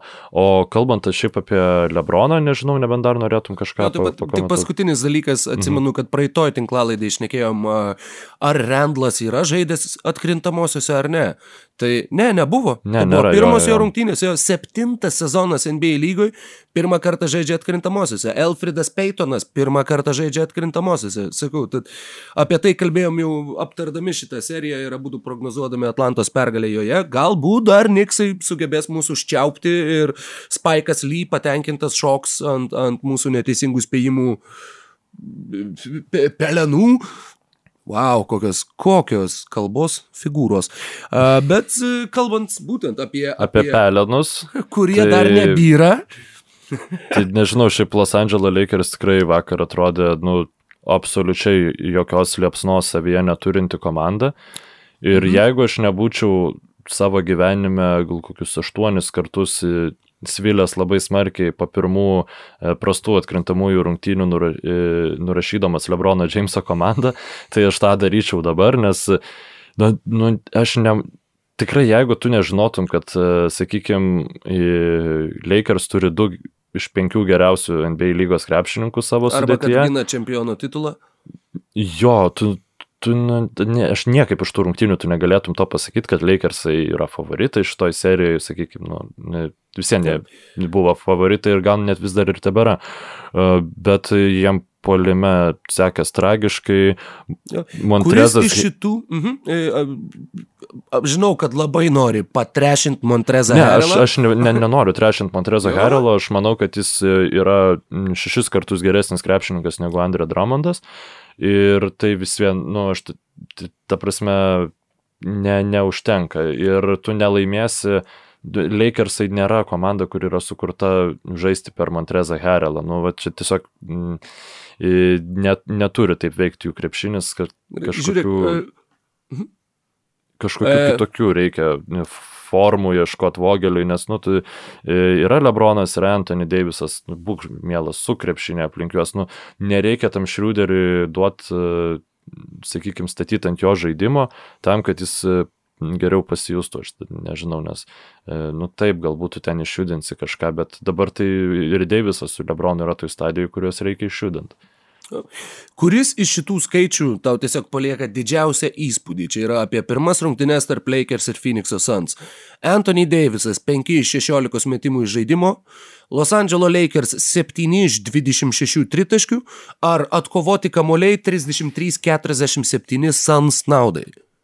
Mane labiausiai stebina e, Davisas 5-16 ne tik dėl to, kad, sakykime, nu, tas prastas pataikymo procentas, bet jeigu tu būtum, nu, aš nežinau, aš žiūrėdamas rungtynes, aš ne, nepastebėjau, kaip jis tos 16 metimų išmetė. Na, jis nebuvo uh, po, Lakers polimo šis, jis buvo toksai lyg tarp kitko, uh, mums nesigauna taka, aš metu nesąmonę. Nu, sakau, ne, ne visas rungtynės pavyko atidžiai stebėti, bet e, kiek, kiek vis pastebėdavau, tai va, šitas dalykas e, labai man kažkaip užkliūdavo, kad e, ta komanda nu visiškai atrodo nesusižaidusi ir jeigu kažkas sakytų, kad negalėtum pagalvoti, kad šita komanda laimėjo praeitą sezoną čempionų titulus, tai šita komanda ir nelaimėjo praeitą sezoną čempionų titulų, buvo komanda su dvie, dviem kitais vidurio poliai, su kitų žaidėjų, na, tikrai e, ir taip pat dar kita ir atakuojantį gynėją turėjo, tai buvo visiškai kita komandos komplektacija, bet e, pernai prieš Blazers irgi turėjo žiauriai prastas pirmas rungtynės. Aš jo, atsimenu jo, dar, kur mano, mano ir... bič, bičiulis, kuris palaiko Los Angeles Lakers ir, ir, ir rašė po tų rungtynių, kad Dieve brangus, tai jeigu jie net ir laimės šitą seriją, Rockets pervažios per juos, nes tada buvo, na, Rockets visai tokiam pakilime su to savo uh, ultra mini bolu ir mm. Tai va, tai aš tikrai nenurašau Lakersų, e, bet e, nu tos kibirkšties ugnelės žaidime, nu, Venės galėtų ir surasti, nes net neįdomu žiūrėti buvo. 16 metimų, kuriuos išmetė Anthony Davisas, buvo 16 iš 76, kuriuos išmetė komanda, tai buvo didžiausias skaičius komandoje, jis metė daugiausiai kartų į krepšį. Uh, man asmeniškai, nu vis tiek, tu esi komanda, kuri turi jau vien starto penketę - Lebroną Jamesą, Anthony Davisą ir Andre Drummondą, ir tu nuo suolo dar keli Montrezą Herelą, ir dar net nepakeli Marko Gasolio, aš nežinau, jisai galbūt trumuotas, galbūt aš praleidau kažką. Bet... Tiesiog Ir Nereikia, tu gauni kovą dėl atšokusių kamolių, 14 kamolių skirtumų nuo Phoenix'o Suns, man šitas buvo, kur tai čia turėtų būti jau bent viena tavo stiprybė. Jeigu tu turi Dramondą aikštėje ir tu nelaimi kovos dėl atšokusių kamolių, tai kokio fucking velnio tu turi Dramondą aikštėje? Dabar, nu, toks, kur sakau, mane turbūt labiausiai šitas visgi paliko didžiausią įspūdį ir, ir privertė aukščiausiai kilstelti antakius. Deandre Eitonas 21 ir 16 atkovotų kamolių, pirmas Suns žaidėjas su bent 20 ir 10 atkovotų kamolių NBA atkrintamųjų debutė nuo Coney Hawkinso 1970. Žmogus pateko į krepšinio šlovės muziejų, tačiau ne, ne šiaip savo vardas ir pavardė. Devinas Bukeris debutuoja atkrintamosiuose 34.7 atkovoti 8 rezultatyvus Krisas Paulas buvo gavęs traumą antro kilinuko pradžioje, pėties traumą ir tai irgi jau buvo ir ta akimirka, kur... Jo, bet tuo pačiu žiūrint, galvojau, wow, vat jeigu būtumėm šnekėję patys savo, vat irgi nežinau, kai jau žinojom, vat, kai Phoenixas, kad Phoenixas žais su Lakers, mes nuo tada neturėjome epizodo. Bet aš manau, kad jeigu būtumėm turėję, tai mano klausimas tau būtų buvęs, kaip manai, kelintose rungtynėse Krisas Polas gaus traumą? Nes, nu, Aš iš karto apie taip... tave pagalvojau, kai jisai gavo traumą. Iš karto. Kokia romantika. O, Nes... Polas trauma, o, Rokas, jo. Jo, bet e, gal apie Polą nereikia per daug kalbėti šitose rungtynėse, visiems Sans laimėjo jas ir Polas bent jau pats sakė, kad tikrai sugrįš šimtų procentų sveikas į kitas rungtynės, bet Devinas Bukeris, uf, jisai, nu, tai yra toksai, aš nežinau, Bradley Bylo ir Clay Thompsono miksas. Labai polime, geras, labai geras palyginimas taip gerai iš užtvarų išleda, išlendančio krepšininko, pagaunančio kamolį ir pratesiančio tą ataką sklandžiai, taip link krepšio pelnančio taškus ar atliekančio tą patį perdavimą, na, super. Ir, ir jeigu tai nepavyks, tai tada tą kamolį duoda Eitonui, atsiranda pats tri, laisvas ties tritaškio linija, nes jo pernai jisai pradėjo tą savo judėjimą be kamulio transcendenciją ir šiemet su Krisu Polu jis yra visiškose, visiškose aukštumose. Ir ateinančiose rungtynėse Aleksas Karuso turi būti kiekvieną minutę aikštelėje, kuomet yra bukeris, nes tai yra na, geriausiai tuos be kamulio lakstančius krepšininkus Lakers gretose juda, e, gaudantis krepšininkas, e, jeigu be jo, tai nu, šansų absoliučiai nėra. Aleksas Karuso yra kritiškai. Bet, ne, ši, čia yra krepšininkai, kurie, sakykime, tuos Bukerį gali stabdyti isolation tipo atakose, kuomet jis žaidžia vienas prieš vieną, bet jeigu tu nori išjungti bent kažkiek dalinai arba apriboti bukerį, kuris yra tokios formos, tu turi leis krepšininką, kuris jį persekiotų kiek, kiekvieną ataką ir tai gali daryti Lakers gretose tik tai Aleksas Karuso iš dabartinių krepšininkų. Matjusas yra per lėtas ir per senas, Kentavijusas Caldwell Paupas, jisai uh, man kažkaip bent jau susidaro toks įspūdis, kad jis ir šiaip jis labiau yra išnaudojamas kaip tas pagalbinis gynėjas, kuris e, ne, dažniausiai gins prašiau šiek tiek pataikantį krepšininką, nuo jo atsitrauks ir bus naudingas gynyboje, tačiau bet, nu, neužsims tą e, vaikymosi rolę. Tai vat, mano toksai pastebėjimas, bet e, Phoenix'o Sans tikrai atrodo rimtai nusteikę. Klausimas, kaip sureaguos Lebronas iš tas rungtynės, nes nu, man vis dar tikrai, aš manau, ne tik man, bet daugam turėjo atrodyti, kad jis dar nu, nėra visą savo širdim atkrintamosiose. Jis buvo trumpam atkrintamasis įžengęs ten e, rungtynėse prieš Warriors, ten rungtynių pabaigoje, bet dabar vis dar žino, kad didžiausi mūšiai yra ateityje. Toks vaizdas. Taip, e, tos pirmos atkrintamųjų varžybų serijos rungtynės dažnai atrodo, jog Lebronas Jamesas jas žaidžia su tokiu tuo žvalgybiniu režimu. E, ir, ir sakau, tą patį matėm ir pernai e, su Clevelandu, aš galvoju, ar jie buvo, kada tenai labai stipriai pralošė pirmas, gal, gal prieš Torontą sykį, bet na, tikrai, tikrai neįpatingai daug.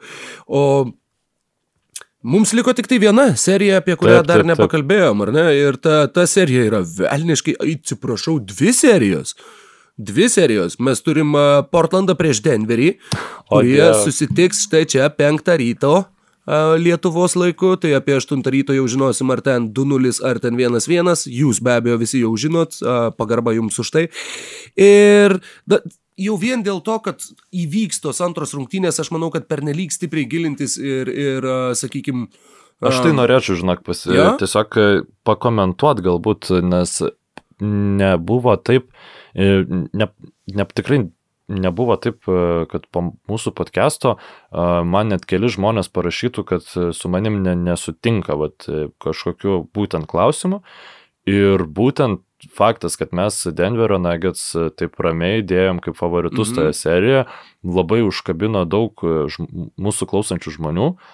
Ir pamatęs tas rungtynes, aš iš tikrųjų labai apsidžiaugiau, kad mūsų klauso, na, gerai krepšinį suprantantis žmonės, nes tikrai tai, kaip laimėjo e, prieš Portlandas, prieš Denverį, atrodė vis, viskas labai logiška. Apar to, kad Porteris tikrai nemes taip prastai tritaškių, kaip mėtė tose rungtynėse, tačiau pasirinkta gynybos schema, kad, na, mhm. nu, nurkičiau, tu turi jokičių, o mes turim visus kitus. Žodžiu, kad taip, iš Jokičiaus gynybos. Taip, taip iš Jokičiaus atimti rezultatyvius vieną, perdavimus. Vieną rezultatyvų perdavimą tai buvo Kampaco tritaškiui, kur uh, buvo tiesiog, kur stovėjau ir va, eh, padaviau kamuolį šalia stovinčiam. Nebuvo visiškai žaidimo kūrimo ir būtent tai, kad jie nedvigubina gynybos, tas pats Nurkičius šnekėjo po rungtynių, kad jo, jo, mes norim, kad Jokičius mums mestų kiek tik tai jis nori, mes norim, kad niekas kiti nemestų nie trupučio. Uh, Kurtinaičio ir... strategija yra. Atsimenu, ja. kai jis treniravo rytą pastoviai e, kartodavo, kad, nu tai gerai, tai jis ten tas lyderis. Vienas komandos. Jisai, mm. jisai turi tos savo taškus, kuriuos jis vienai per kitaip susirinks. Mūsų tikslas yra, kad kiti nesusirinktų. Tai man tai šiaip šita frazė yra viena iš įsimintiniausių iš trenerių, nes, nu kai jinai veikia, tai jinai veikia, tu nieko nepadarysi. Na taip, tad e, Portlandas prieš Denverį, ar jau nori keisti savo spėjimą Mykolai? Blemba, nu ne, ne, e, kažkaip aš, aš nu, mane tas Jokičiaus MVP sezonas, nu, taip užbūrė ir aš būtų žiauriai liūdna, jeigu vėl mes e, e, lygos MVP iškristų pirmoje serijoje.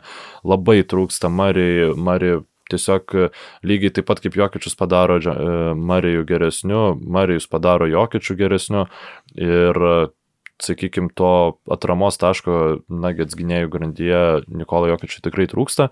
Ir man labai patiko idėja, kurią aš išgirdau e, vienoje iš tinklalaidžių, kad, e, na, Nuggetsai galbūt net turėtų pabandyti dydžiu paimti šitą e, Portlando Trail Blazers komandą, tiesiog Porterį jaunesnį pastatytą atakuojančio gynėjo pozicijoje, lengvoji kraštų Gordoną ir Milsapą e, sunkiojo krašto pozicijoje ir tiesiog grinai. Mhm. nu tiesiog jeigu ir kitose rungtynėse jiems taip e, sunkiai eitųsi, kaip ėjosi pirmosiose, tai e, visiems turint omeny Jokičiaus e, paslankumą centro pozicijoje ir uh, Milsapo aukštą krepšinio intelektą bei Porterio žvėrišką po, potencialą polime, um, tai galėtų sukelti tam tikrų problemų, bent jau momentinėms atkarpomis.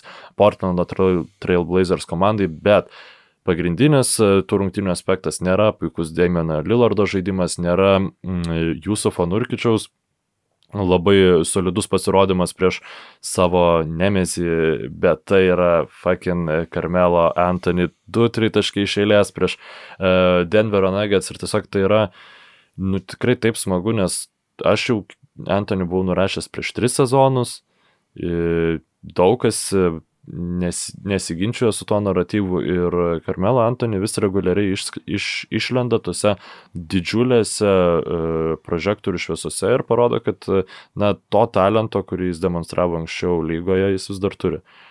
Neįtikėtinas. Faktas yra tas, jog tai buvo Carmelo Anthony pirma pergalė Denveryje. Nuo tada, kai jisai išvyko į New Yorką. Ta prasme, pirma pergalė Wow. praėjo kiek? Dešimt metų? Jis niekada nebuvo laimėjęs Denveryje. Žiausi sakyti Pepsi Center, dabar tai vadinasi Ball Arena. Labai, labai Iš seksualus vieno blogo pavadinimo į kitą blogą. Jo, žinai, kur, nu, Talking Stick Resort, žinoma, yra turbūt ne, nepermušamas, bet Ball Arena irgi taip. Mm, wow. Uh, minėjai, jog labai nesinorėtų pamatyti MVP vėl krentančio pirmame etape, tai Russellas Westbrookas buvo pastarasis MVP, kuris krito pirmame etape. Uh, tiek Jamesas atsiprašau, tiek Janis mano- abu kartus, jo, jo. Mano širdį Janis pernai krito pirmame Jo. etape. Mm, visiškai, visiškai suprantu, kodėl. Uh, ir jo, tuo pačiu, kas dar mane nustebino, kad būtent kalbant apie tą Karmelo ir Denverio santykį, apie kurį visiškai nebuvau pagalvojęs prieš šitą seriją, jo mes kalbėjom, jokičius, nurkičius, o čia kaip čia ką čia, jį vis dar nušvilpinėja žmonės tenai. Ta prasme, jie vis dar Denverio Nuggets ir gali vis dar nekenčia Karmelo Anthony, kad Aš irgi tu išėjai- nušvilpinėčiau. tu išėjai į New Yorką. Nors tuo pačiu pats Karmelo po rungtynių šnekėjo, kur sakė, nu aš kaip ir nelabai supratau, aš niekada nesakiau nei vieno blogo žodžio apie organizaciją, apie sirgalius, apie visus čia dirbančius žmonės, apie trenerius, apie nieką. Niekur niekada nepyliau jokio purvo ant Denverio, bet, nu va, kažkodėl žmonėm vis dar, vis dar taip yra. Ir jo, čia truputėlį jis panašu į tą, į tą Karterio iš- ir Toronto situaciją, jo, bet... bet Jo, jis užpylė purvą ant Denverio, kai kuomet jis jis nusprendė, kad e, Bet tu pagalvok, nėra- jis net neišėjo uh, kaip laisvasis agentas. Jis išsireikalavo mainų, New Yorkas atidavė pusę savo komandos jaunų talentingų žaidėjų, Denveris kaip tik dar toj situacijai, dėl to, kad Karmelo reikalavo mainų, neliko negavę nieko, o gavo ten ir Wilsoną Chandlerį, ir Galinarį, ir Mosgovą, man rodos, ir kažką tai dar, gal kažką dar, gal. Ne, bet- šiaip jie ten gavo pakankamai normaliai, bet e, aš palaikau tokius nušvilpinėjimus ir noriu, kad jų būtų kuo daugiau ir taip trūksta jau lygoj šito, sakykime, rival, rival, oi, gerai. Gerai, Viskas, e, tik, tik, tikrai ne, e, nu šitos e, prieš priešos tarp, blema, bet kaip gerai užsirgau, prieš priešos tarp klubų, tai bent jau duokim fanam nušvilpt krepšininkus, ant kurių jie jaučia šitą krūvą druskos prisikaupusias, žinai. Nu, Beje, dar Visiem, nu, tikrai, žmogus. Mhm. tikrai nesmagus buvo tas Antony išėjimas iš, iš Denverio fanam.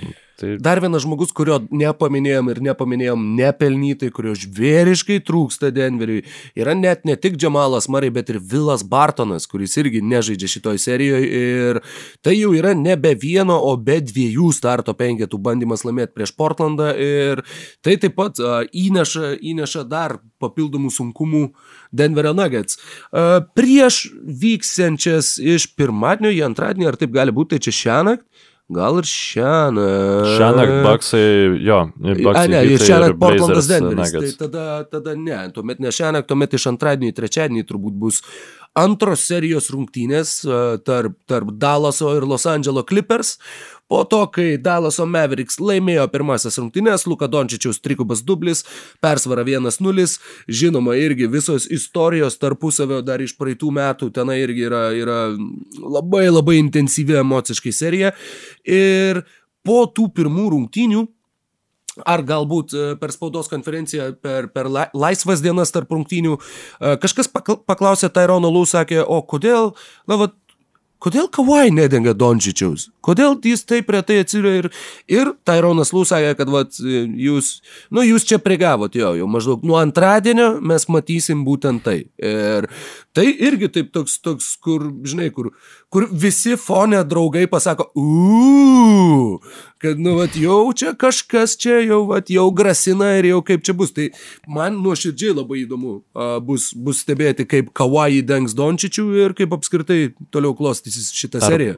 Arba čia buvo tas variantas, kur, nežinau, man tai būna, tarkim, kai ruošiu kokį nors maistą ir, nežinau, man žmona pasako ten elementarų kokį nors dalyką, tu žinai, kad tu ten, pavyzdžiui, jeigu aliejus įpiltum, tau neprisviltų, nu, tipo, maistas, kurį tu dabar kepi, nu, čia kaip pavyzdys ir aš toks, uh, užuot pasakęs, o geras, ačiū, nežinau, sakau, jo, jo, žinau, aš tiesiog jo, dabar jo įpilsiu, žinai. Visiškai vyriškas dalykas, čia yra visiškai vyriškas. Ne, tai aišku, žinau. Taip, taip, tai, tai, tai aš, aišku, aš, aš pagalvojau, kad kavajus. Aš, aš, jo, jo, aišku, aš, aš tikrai norėjau, kad kavajus gintų e, Dončičių. Aš tiesiog nenorėjau pirmose rungtynėse. Jo, aš norėjau pažiūrėti, ar mes, ar mes galim be to. E, tai o šiaip kalbant e, apie tas rungtynes, e, ne, nežinau, matei normaliai tą mačą ar, ar nelabai? Ne, nelabai. Taigi aš tada tiesiog be, be jokių intrigų pasakysiu, kad antras geriausias Dalaso krepšininkas tose rungtynėse buvo kas? Maxi Kleberas, tai ta, tai čia... tu, tu galėjai net, tu irgi turbūt nematai rungtynių. Ne, ne, aš juokauju, juokauju, bet aš turiu minį, kad tu vis tiek. Ne, šitas sakytum, mačiau. Dar, dar čia kur, dar aš vos. Aš prieš rungtynės galėčiau vos, tą pasakyti. Tai vad būtent, sakau, dar vos vos ir tu pradėsi sakyti, kad jis yra geriausias Dalaso Mavericks krepšininkas ir kad Luka Dončičius be Maxi Klebero nepasiektų nieko. Kažkaip ta amžina kaip, meilės istorija. Me, mesi bei, bei Iniestas. Ne, tiesiog, ne, nepaisant, kad ir kaip gerai jisai bežaistų, na, ne, nu, visiškai nesulaukia pakankamai pagarbos net iš Europos krepšinės ir galių. Nu, tai aš, aš manau, tikrai, iš Vokietijos krepšinės ir galių. Aš tikrai mirsiu ant Klebero kalvos su, su jo vėliava ir skalambisiu ją, ją tol, kol jis bus pakankamai atletiškas gintis prieš geriausius lygos e, polėjus. Nu, ta prasme, kaip jisai puikiai gynėsi prieš e, Kavai Leonardą, buvo gražu žiūrėti. Nepaisant to, kad Leonardas jį nužudė vidurį rungtynių, aš nežinau, tu matai tą dėjimą. E, taip, taip, taip. Ir mačiau, Ten... kad Kleberas sakė, aš šokčiau dar kartą, koks man skiriu. Tai aš, va, aš tokiu, ir kitą tokiu, kartą daryčiau tą patį. Jo. Tokius krepšininkus aš tiesiog dievinu, tai kurie nu, padarys bet ką, kad gautų tą bloką, nesvarbu, jeigu tai sąlygoja jų, nu, sakykime, pažeminimą. Tai dėl ko man ir Jūta Vatanabė labai patinka, kad jisai visiškai nesusiparino po to Edwardso dėjimo, kuris, man atrodo, metų dėjimo titulą turbūt turėtų gauti. Turėtų gauti, sezoną. bet dar negavo. Jo, tai uh, Delasas atrodo gerai, uh, Porzingis galbūt atrodo, na, tikrai neprimena savęs tokio, koks jis buvo praėjusioje serijoje. Uh, bet uh, turbūt pagrindinis momentas, apie kurį reikėtų pakalbėti iš tų rungtynių, tai yra uh, Clippers sprendimas dvigubinti Luką Dončičių, kas buvo, na, tiesiog tai, ko atrodo ir Mavericks, ir pats Luka Dončičius, tik, jiem tik tai to ir reikėjo, kad, žodžiu, jo, jo, jūs dvigubinkit mane, tikrai nėra taip, kad aš esu geriausiai šiuo metu lygoje perdavimus skirstantis e, žaidėjas, nu, sakykime, du yra dar lygiai verčiai man. Tai m, tikrai būtent va, tas dvig, sprendimas dvigubint Luką Dončičių ir išbalansavo m, labai gerą Clippers gynybos potencialą ir, na, Čiauriai nustepčiau, jeigu nepasimtų e, iš Portlando Trail Blazers e, tiesiog elementarios gynybos strategijos Tyronas Lou ir ne, nepastatytų, gerai, galėtų nestatyti kavai, jeigu, sakykime, tikrai gal gal Kavai Čiurnas nu, negali net laikyti uh, spaudimo, kurį sukelia Dončičiaus gynyba, nu tai gerai, pastatyk, pastatyk šitą um, Paulą Džordžą. Nu ir netgi, netgi Petas Beverly, kuris, sakykime, ten buvo tas too fucking small momentas iš, iš Luka Dončičiaus, kuomet jis ten jį nu, visiškai jėga įveikė, bet Beverly irgi yra šiaip, nu, toksai krepšininkas, prieš kurį nemėgsta niekas žaisti vienas prieš vieną, tai tų žaidėjų klipersai turi nemažiau negu bet kuri kita lygos komanda. Ir, na, prieš Dončičių, jeigu tik įmanoma, tu turi jo nedvigubinti, nes taip vat, būtų mano toksai palinkėjimas. O dar grįžtant prieš, prie pačių klipersų sudėties, tai mane labai neramina Seržai. Nu, Seržas Ibaka turbūt arba jisai nėra fiziškai sveikas, arba jisai tiesiog nėra rimtose Tyrono planuose. Ne, mm. ne, ne dėl suinteresavimo, tiesiog, jau, e, kad e, Zubacas žaistų šitose rungtynėse 20 minučių, o Ibaka 12, na, galbūt per anksti skambintų pavojus varpais, bet mano būtent Klipersų įsivaizdavimas buvo tik tai su Seržai Baka kaip vidurio polėjo pozicijoje. Dabar, dabar to aš jau truputį pradedu nematyti ir, sakykime, su netvirta rotacija centro pozicijoje Klipersai gali ir pralaimėti šitą seriją. 11 kartų iš viso NBA atkrintamųjų varžybų rungtynėse per visą istoriją žaidėjų pavyko pelnyti bent 55 taškus. Michaelas Jordanas tą padarė 5 kartus ir tuo pačiu jam priklauso absoliutus rekordas 86 metai prieš Bostono Celtics 63 taškai. Perskaityčiau kitus, bet nežinau, na, galima greitai. Elginas Bayloras 61-62 metais, wow, kaip beveik rimuojas. Ir tuo pačiu 61 51 taškas finale, tai yra absoliutus finalų rekordas iki šių dienų. Donovanas Mitchellas 57 pernai, Barkley 56-94, taip pat ir Jordanas 56-92, Chamberlainas 56-62 ir po 55 tris kart Michaelas Jordanas, kartą Alanas Iversonas, kartą Rikas Berry. Ar šitose atkrintamosiose kas nors sumes bent 55 taškus nuo dabar iki finalų? Nu, aš, kai tu pradėjai skaityti šitą klausimą, žinau, kad tu jį užduosi, bet uh, tikrai yra labai sudėtingas. Šiaip uh, kol kas tai pakankamai e, žemo rezultatyvumo atkrintamosios, jeigu taip visumą rungtynių paėmus. Bet mhm. aš manau, kad taip, tai bus Janis Antetokumpo serijoje prieš Bruklino Nets. Ir jie tas rungtynės pralaimės. šitą. Bet. E, Šitas nu, yra fantastiškas spėjimas, tai vienas geriausių spėjimų, kokius girdėjau per ilgą laiką. Ta prasme, aš pilnai tikiu, tu vos pasakėjai, aš visiškai tikiu, Janis Antetokumpo pelnys 55 plus prieš Nets, bet Bucks gaus tas rungtynės. Šitą reikia pasižymėti, šitas tikrai labai geras. O kaip manai dėl Nikola Jokičiaus, jeigu toliau nedvigubins jo? Ar nebus taip, kad jisai tada susinervins ir sakys, jūs duodat man mest kiek nori, gerai, aš mesiu kiek noriu ir suvers kokius 60 per nurkičių. Nu, plemba, man visien Jokičius atrodo, kad aš manau, kad tiesiog jeigu Jokičius pradėtų versti, nu, suverstų pirmus 30, tai jau Portlandas gal atsisakytų e, tos strategijos. Um, tiesiog nemanau, kad Portlandas galėtų būti tokioj pozicijoje, kuriuose, kurioje vyksta rungtynės, kuomet Jokičius taip siautėja ir jie visiems, nu, nepralaimi tose rungtynėse taip, kad jie toliau galėtų laikyti savo gynybos strategijos.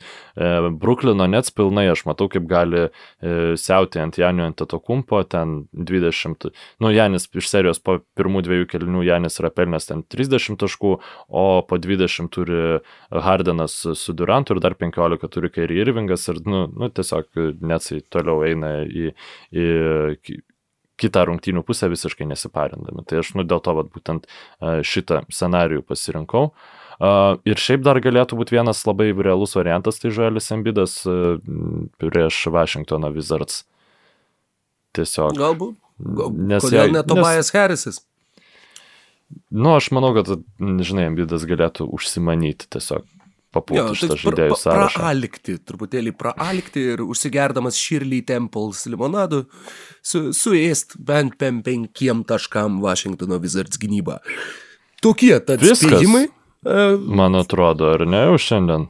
Apkalbėjome visas serijas, apkalbėjome ir į įkrintamasias a, ir, Va, ir dabar jau ir atkrintamasias. Pas, pasidžiaugim šitų dalykų. E, įkrintamasias. Rokai, tu turbūt vis dar neatsimeni žmogaus e, vardo, kuris man pasiūlė šitą terminą. Kol tu baigsi išnekėt, aš, aš tuoj pat Bet pasistengsiu. Iš tikrųjų, aš Nu, mūsų su Roku viena iš pagrindinių, aš net negaliu sakyti misijų, nes misiją aš to tikrai nepavadinčiau, ypač turint omeny, kad aš pats be galo daug anglicizmų savo uh, leksikoje vartoju, tačiau buvo, uh, pradedant šitą podcastą, buvo siekis, uh, na, surasti kažkokių terminų, uh, tiem dalykam, kuriems mes pastoviai, kurio, kuriuos išreikšdami mes pastoviai pasakom žodį vadinamasis, ten vadinamasis flauteris, taip toliau, taip toliau, taip toliau.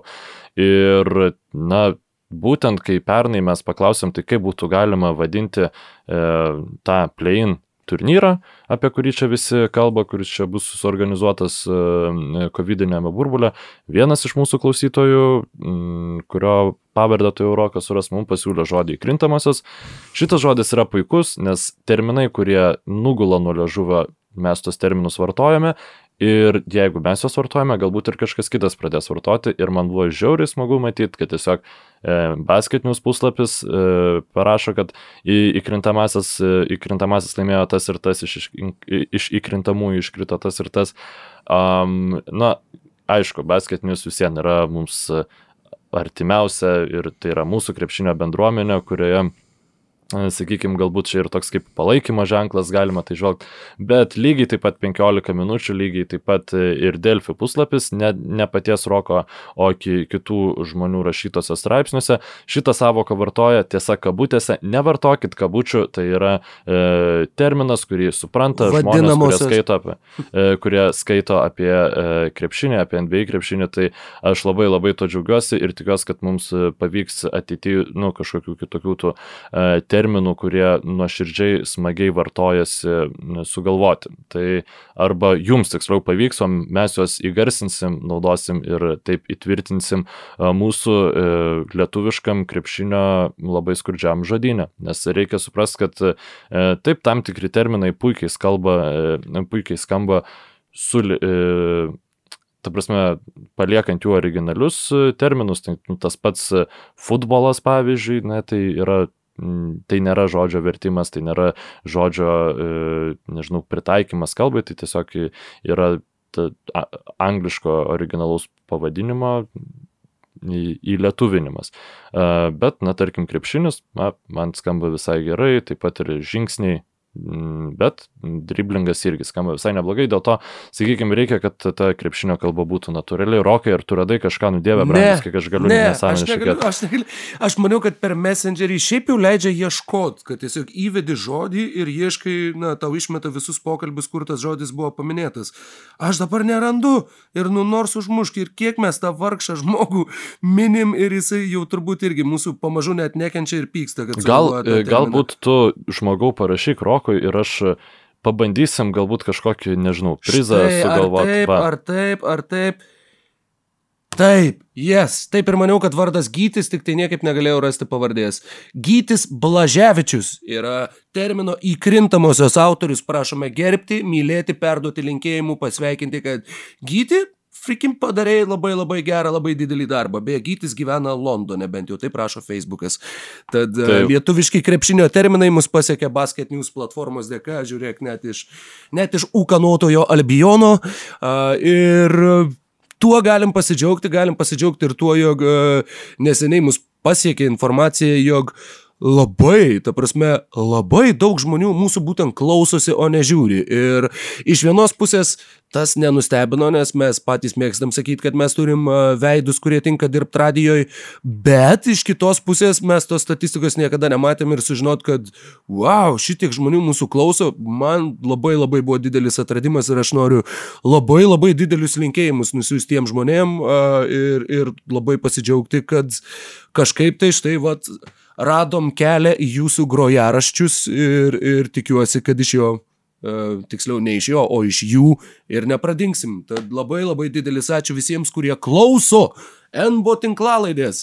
Galų gale tinklalaidės mes ir nesusitikom čia YouTube vlogo daryti, mes susitikom kalbėtis apie krepšinį, o ne rodyti save. Tad jeigu yra labai daug žmonių, kurie klauso, vadinasi, mes kažką darom pakankamai tinkamai. Nu, super. Uh, tai ačiū Gyčiui, ačiū Rokai ir tada. Ačiū Domui už montažą, ačiū visiems uh, Basket News kolegoms už, už palaikymą ir už uh, teigiamas vibracijas ir tuo pačiu uh, sulinkėjimu. Aš dar noriu mhm. padėkoti kurjeriui, kuris man uh, tik tai dvi savaitės užtruko e, Lietuvoje, kol sugebėjo man pristatyti mano pirmą mano realiai mylimo e, sporto kažkokio tai objekto, šiuo atveju Senegalo futbolo rinktinės e, e atributika, tai aš labai tikrai džiaugiuosi, nes arsenalo kažkaip marškinėlių niekada normalių ir neturėjau, tiesa turėjau patilinę, kai buvau paulys.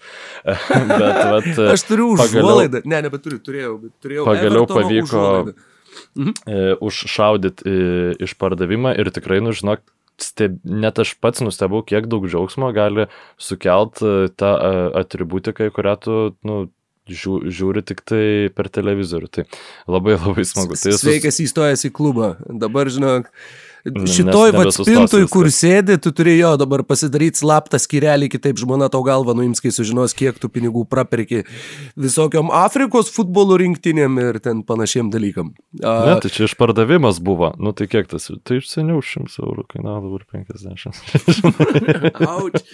Labai gerai, labai gerai. Sveikinimai. Mykolai, no. sveikinimai ir, ir visiems tiems, kurie praleido šias e, kiek daugiau negu pusantros valandos su NBO tinklalaidė ir su dar vienu epizodu. Susiklausysim su jumis veikiausiai kitą savaitę, galbūt kažkaip stebuklingai susiklausysime ir šią, jeigu nutiks kažkas tai e, labai jau žemę e, atveriančio arba išmušančio iš pokojų. O iki kas tol. Turi, gerai, gerai, kas turi nutikti, kad mes susiklausytumėm šią savaitę? Nu, aš atsiprašau, kad aš. Kažkas pagerino Michaelo Jordano 63 taškų rekordą. Ok. okay. okay. Gerai. Sutarta? Jo. Gerai. Rytoj gerai. tada. Iki rytojus. Sėkmės. Visiems laimingai, ačiū uždėmesį. Rokas Grajauskas, Mykolas Jankaitis ir kiekvienas iš jūsų. Dėkui ir laimingai.